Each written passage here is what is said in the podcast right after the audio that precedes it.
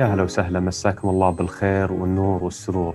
حياكم الله في بودكاست نطاسي أنا مقدمكم مشعل القضيبي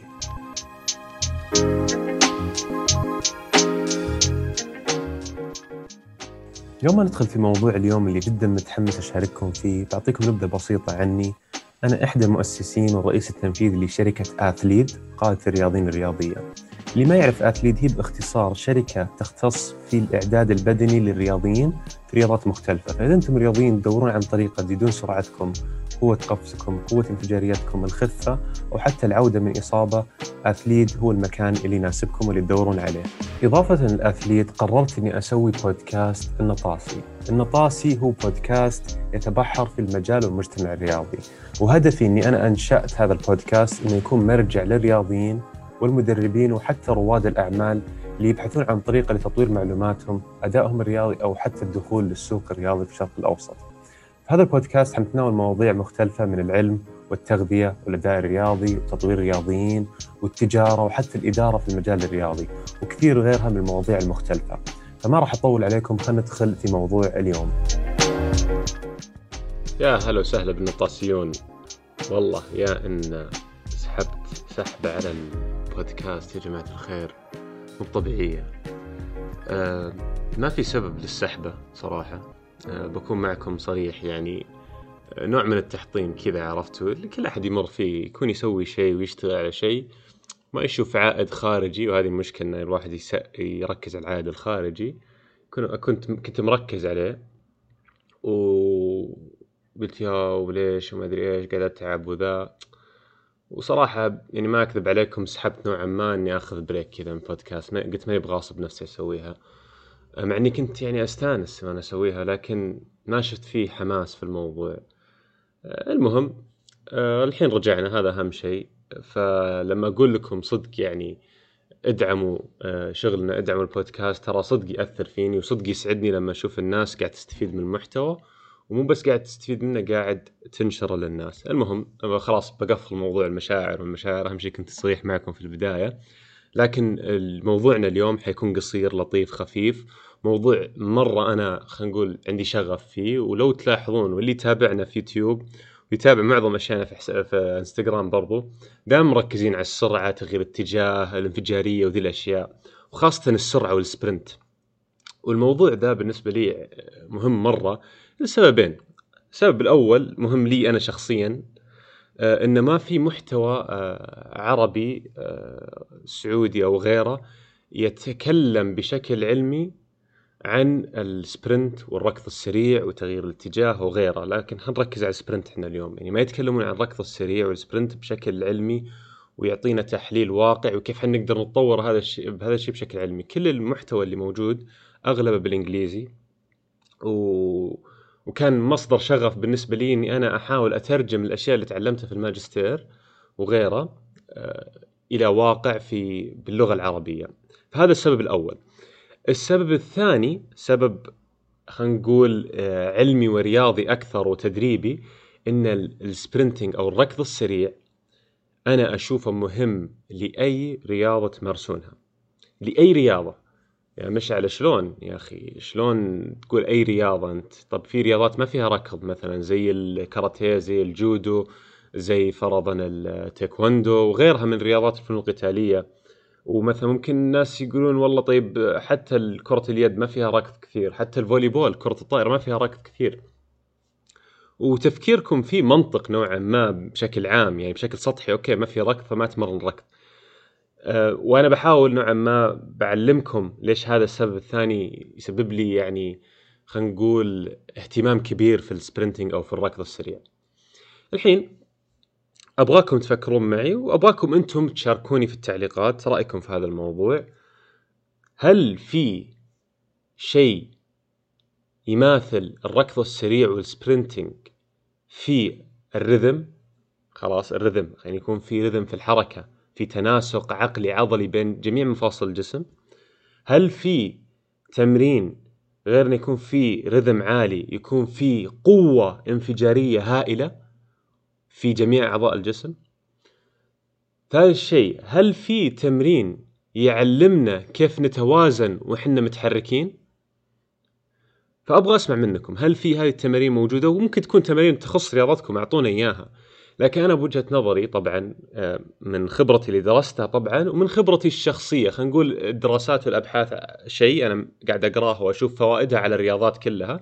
فأنا قاعد أقول لكم هذا الكلام من منبع إنه ترى في دراسات تدعم ال sprinting والركض السريع في كثير من الرياضات. والناحية الأخرى اللي هي تجربتي الشخصية أو خبرتي قاعد أقول لكم إن ال sprinting شيء خرافي في جميع الرياضات وأي رياضي يجيني دائما أحاول أمرنه في ال sprinting ويختلف طريقة التدريب. يعني ما راح أمرن ال sprinting أو مسافات ال sprinting أو الركض حتكون نفس الشيء لكل الرياضات لا في تختلف في تخصص رياضي في هذا الموضوع. فأنا جمعت بين هذول الاثنين وقاعد أقول لكم ليش هو مهم. الحين بعلمكم أنا بعد ما أنتم سمعتوا مقدمتي بعلمكم ليش أنا أشوف هذا الشيء مهم. الحين لما إحنا نجي نتمرن sprinting آه، أو ركض سريع قاعدين نعلم جسمنا أشياء كثيرة. أولها وأهمها اللي هي ال stiffness الثبات أو خلينا نقول إيش ال stiffness بالعربي؟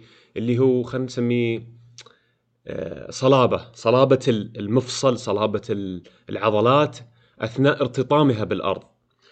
بتلاحظون في أشخاص عندكم ممكن إذا أنتم مدربين أو رياضيين في الفريق حتلاحظون في ناس لما يجوا يقفزون ينزلون من القفز خلاص تلاقي جسمهم كله ينزل معهم ما في صلابة في الموضوع تلاقون في ناس ثانيين لو يقفز مسافة مرة بعيدة لسه تحس جسمه ثابت وصلب. الحين ال sprinting ميزته إنه يعلم جسمنا وخاصة جسمنا السفلي كيف حنا نكون صلبين stiff أثناء ارتطامنا في الأرض أثناء إنتاجنا القوة إنتاج القوة الانفجارية من الأرض. فكيف نتعلم هذا الشيء من أشياء غير ال sprinting علموني. لأن أنا ما لقيت شيء يماثل هذا الشيء صراحة في تمارين عادية من تمارين الحديد وغيره. وممكن بعضكم يقول طيب أنا أسوي تمارين قفز في رياضة التايكوندو ولا الجوجيتسو ولا الموتاي ولا غيرها ولا ال volleyball أسوي أشياء تساعدني في الصلابة. عندي صلابة كويسة. صح ممكن يكون عندكم صلابة كويسة بسبب ممارستكم الرياضه لكن أنتم قاعدين تسوون ألف شيء غير انكم تركزون على الصلابة وعلى القوة الانفجارية. قاعدين تركزون كيف تسوون التكنيك حق الضربة صحيحة أو التكنيك حق ال receive في ال volleyball صحيح. قاعدين تركزون كيف انكم تتفادون الخصم بعدين تنتجون ضربتكم. يعني تحاولوا تتوقعون وين خصمكم بيلعب الكورة عشان أنتم تسوون ردة فعل معينة.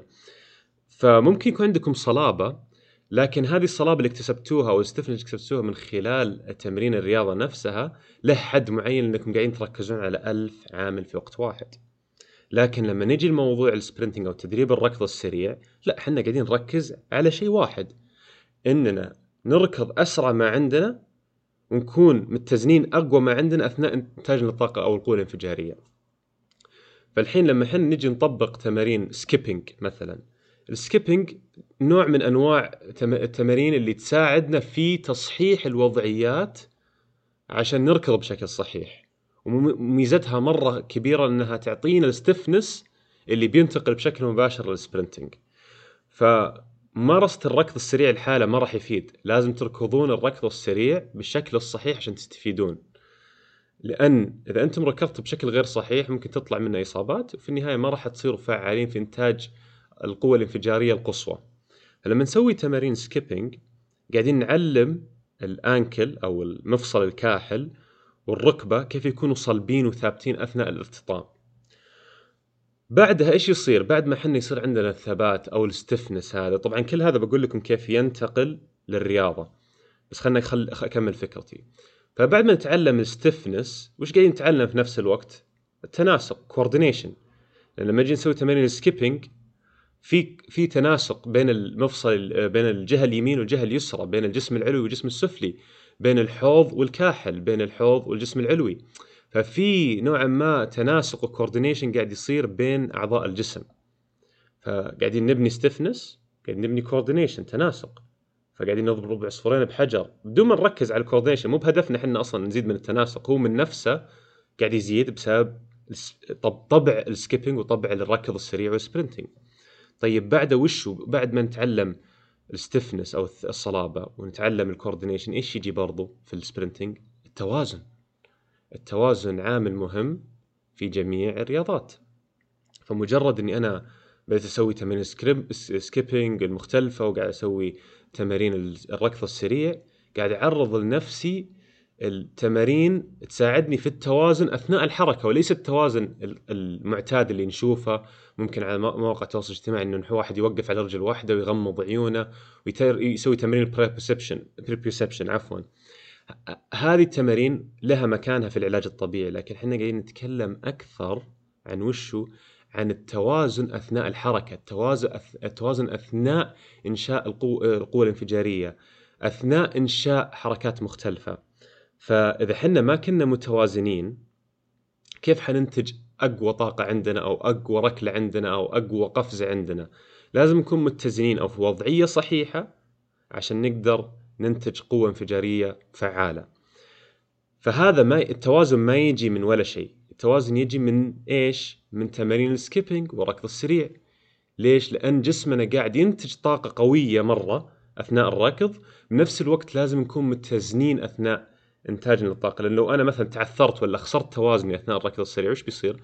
يا غالبا بطيح يا غالبا بهدي فاكون غلطت أنا في التوازن فغلطت في إنشاء القوة الانفجارية.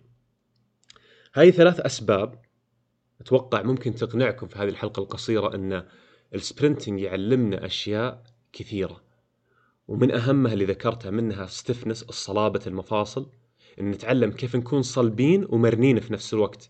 لأنه لو أنا كنت صلب أثناء الركض ما كنت مرن أعرف كيف أرخي وأشد أرخي وأشد قلنا رذم في رذم للركض. فإذا ما عرفت أرخي وأشد بشكل كويس معناته إني أنا ما راح أقدر امتص الضربات أثناء الركض وبنصاب في المستقبل. فيعلمنا الصلابة والمرونة في نفس الوقت. الشيء الثاني يعلمنا الكوردينيشن أو التناسق العقلي العضلي مع جميع مفاصل الجسم وأعضاء الجسم. الشيء الثالث يعلمنا على التوازن. التوازن اللي المتحرك إن كيف إحنا نقدر ننتج طاقة من وضعيات فعالة. فهذه كل ذي الثلاث أسباب ما في رياضي ما يستفيد منها. ممكن بعضكم يرجع ويقول طب أنا في رياضتي قاعد أتعرض للتوازن قاعد أتعرض للأشياء هذه صح؟ قاعد تتعرض لها.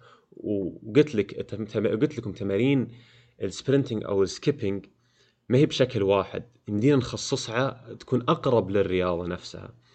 فبعد ما إحنا نسوي هذه كل ذي الأشياء أنا برجع كرياضي بمستوى أعلى. فلما أنا أرجع بمستوى أعلى رياضتي وش بيصير؟ حيصير أقدر أنا أنتج طاقة أقوى في في الحركات المتخصصة في رياضتي لأني تعلمت كيف أصلا أنا أكون stiff و coordinated متناسق صلب ومتناسق ومتزن. فلما أنا تعلمتها بشكل عام خلاص وتعلمت كيف أنتج قوة انفجارية بدون ما أفكر في أي عامل آخر برياضتي. بس فكرت إني أركض وأنتج قوة انفجارية أعلى ما عندي أثناء الركض.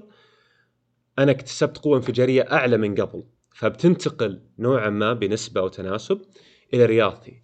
فيصير لما مثلا الحين أنا أبي أسوي آه، kick معين في التايكوندو أبغى أنزل من القفزة حقتي أثناء التايكوندو حاعرف كيف أنزل من القفزة ذي لأني أنا اكتسبت صلابة معينة أثناء الركض. ولو مثلا أبغى أدخل آه، أقطع مسافة قصيرة بيني وبين الخصم عشان أكسب نقطة معينة أو أسوي له tackle معين في الجوجيتسو أو في ال MMA أو الرياضات طبعا أنتم أفهم مني في الرياضات هذه اعذروني إذا أنا قاعد أغلط في ال terms وذي الأشياء أو في المصطلحات. آه، فإذا تبغى تغطي مسافة بينك وبين الخصم إيش اللي بيعلمنا الحركة ذي الفجائية؟ تمارين الركض السريع اللي هي ال acceleration التسارع.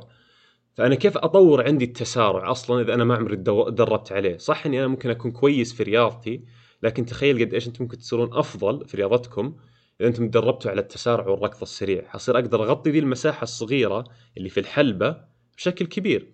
طب نجي للطائرة. فرضا الطائرة أبي أسوي receive معين وال receive كان قدامي. فإذا أنا مثلا ما عندي السرعة ولا التسارع الصحيح اني أحط جسمي في وضعيات صحيحة عشان أنا أقدر أتسارع بشكل صحيح. يمكن ما ألحق هذه الكورة ممكن أخسرها وممكن نخسر المباراة بسببها.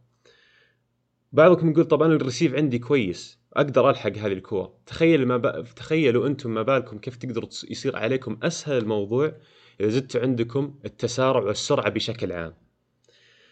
هذه فقط أمثلة بسيطة ما أبغى أدخل وأتعمق أكثر في الموضوع كنت أبغى أخليها حلقة خفيفة بسيطة نطصي فيها مع بعض. واحاول أقنعكم ونتناقش برضو. إذا أنتم ما اقتنعتوا في كلامي اقنعوني عادي. اكتبوا لي في التعليقات تحت يا مشعل طيب ما اقتنعت في كلامك أنا كذا وكذا وكذا. عادي نتناقش وممكن أسوي حلقة ثانية أرد عليكم في الأسئلة هذه. آه، فأتمنى إني أقنعتكم. الموضوع بالنسبة لي شغف إني أنا أنشر موضوع الركض السريع والسبرنتنج والتسارع باللغة العربية وأنشر لجميع الرياضيين لأن أعرف من الدراسات من خبرتي الشخصية قد إيش يقدر يفيدهم في الرياضات المختلفه ودربنا رياضيين volleyball دربنا رياضيين فنون قتالية وهم انصدموا كيف كيف كيف يعني تمارين ال sprinting فادتهم في رياضتهم. لأنه في البداية كانوا مو مقتنعين وتناقشنا طبعا. إحنا في رياضيين مع طريقة علاقتنا مع الرياضيين ما أقول لكم والله روحوا سووا هذا الشيء وخلاص لا. إذا ما اقتنعت في هذا الشيء تعال خاطبني تعالي خاطبيني. قولي لي مشعل ما اقتنعت بفكرتك ليش أسوي ذا التمرين معين؟ فأتناقش مع الرياضيين وأقول لهم كذا كذا كذا وأصبروا علي أسبوعين لثلاث أسابيع. إذا شفتوا نتيجة تمام. إذا ما شفت نتيجة من عيوني أغير لكم البرنامج ونصير نتناقش ونراجع الخطة. والحمد لله ما حد قد جاء وقال لي لا ما استفدت. الحمد لله حد الحين. فهذا الشيء نسويه مع رياضيين. مو قاعد أعطيكم النصيحة من عبث كذا لا أعرف فائدتها وأعرف قيمتها.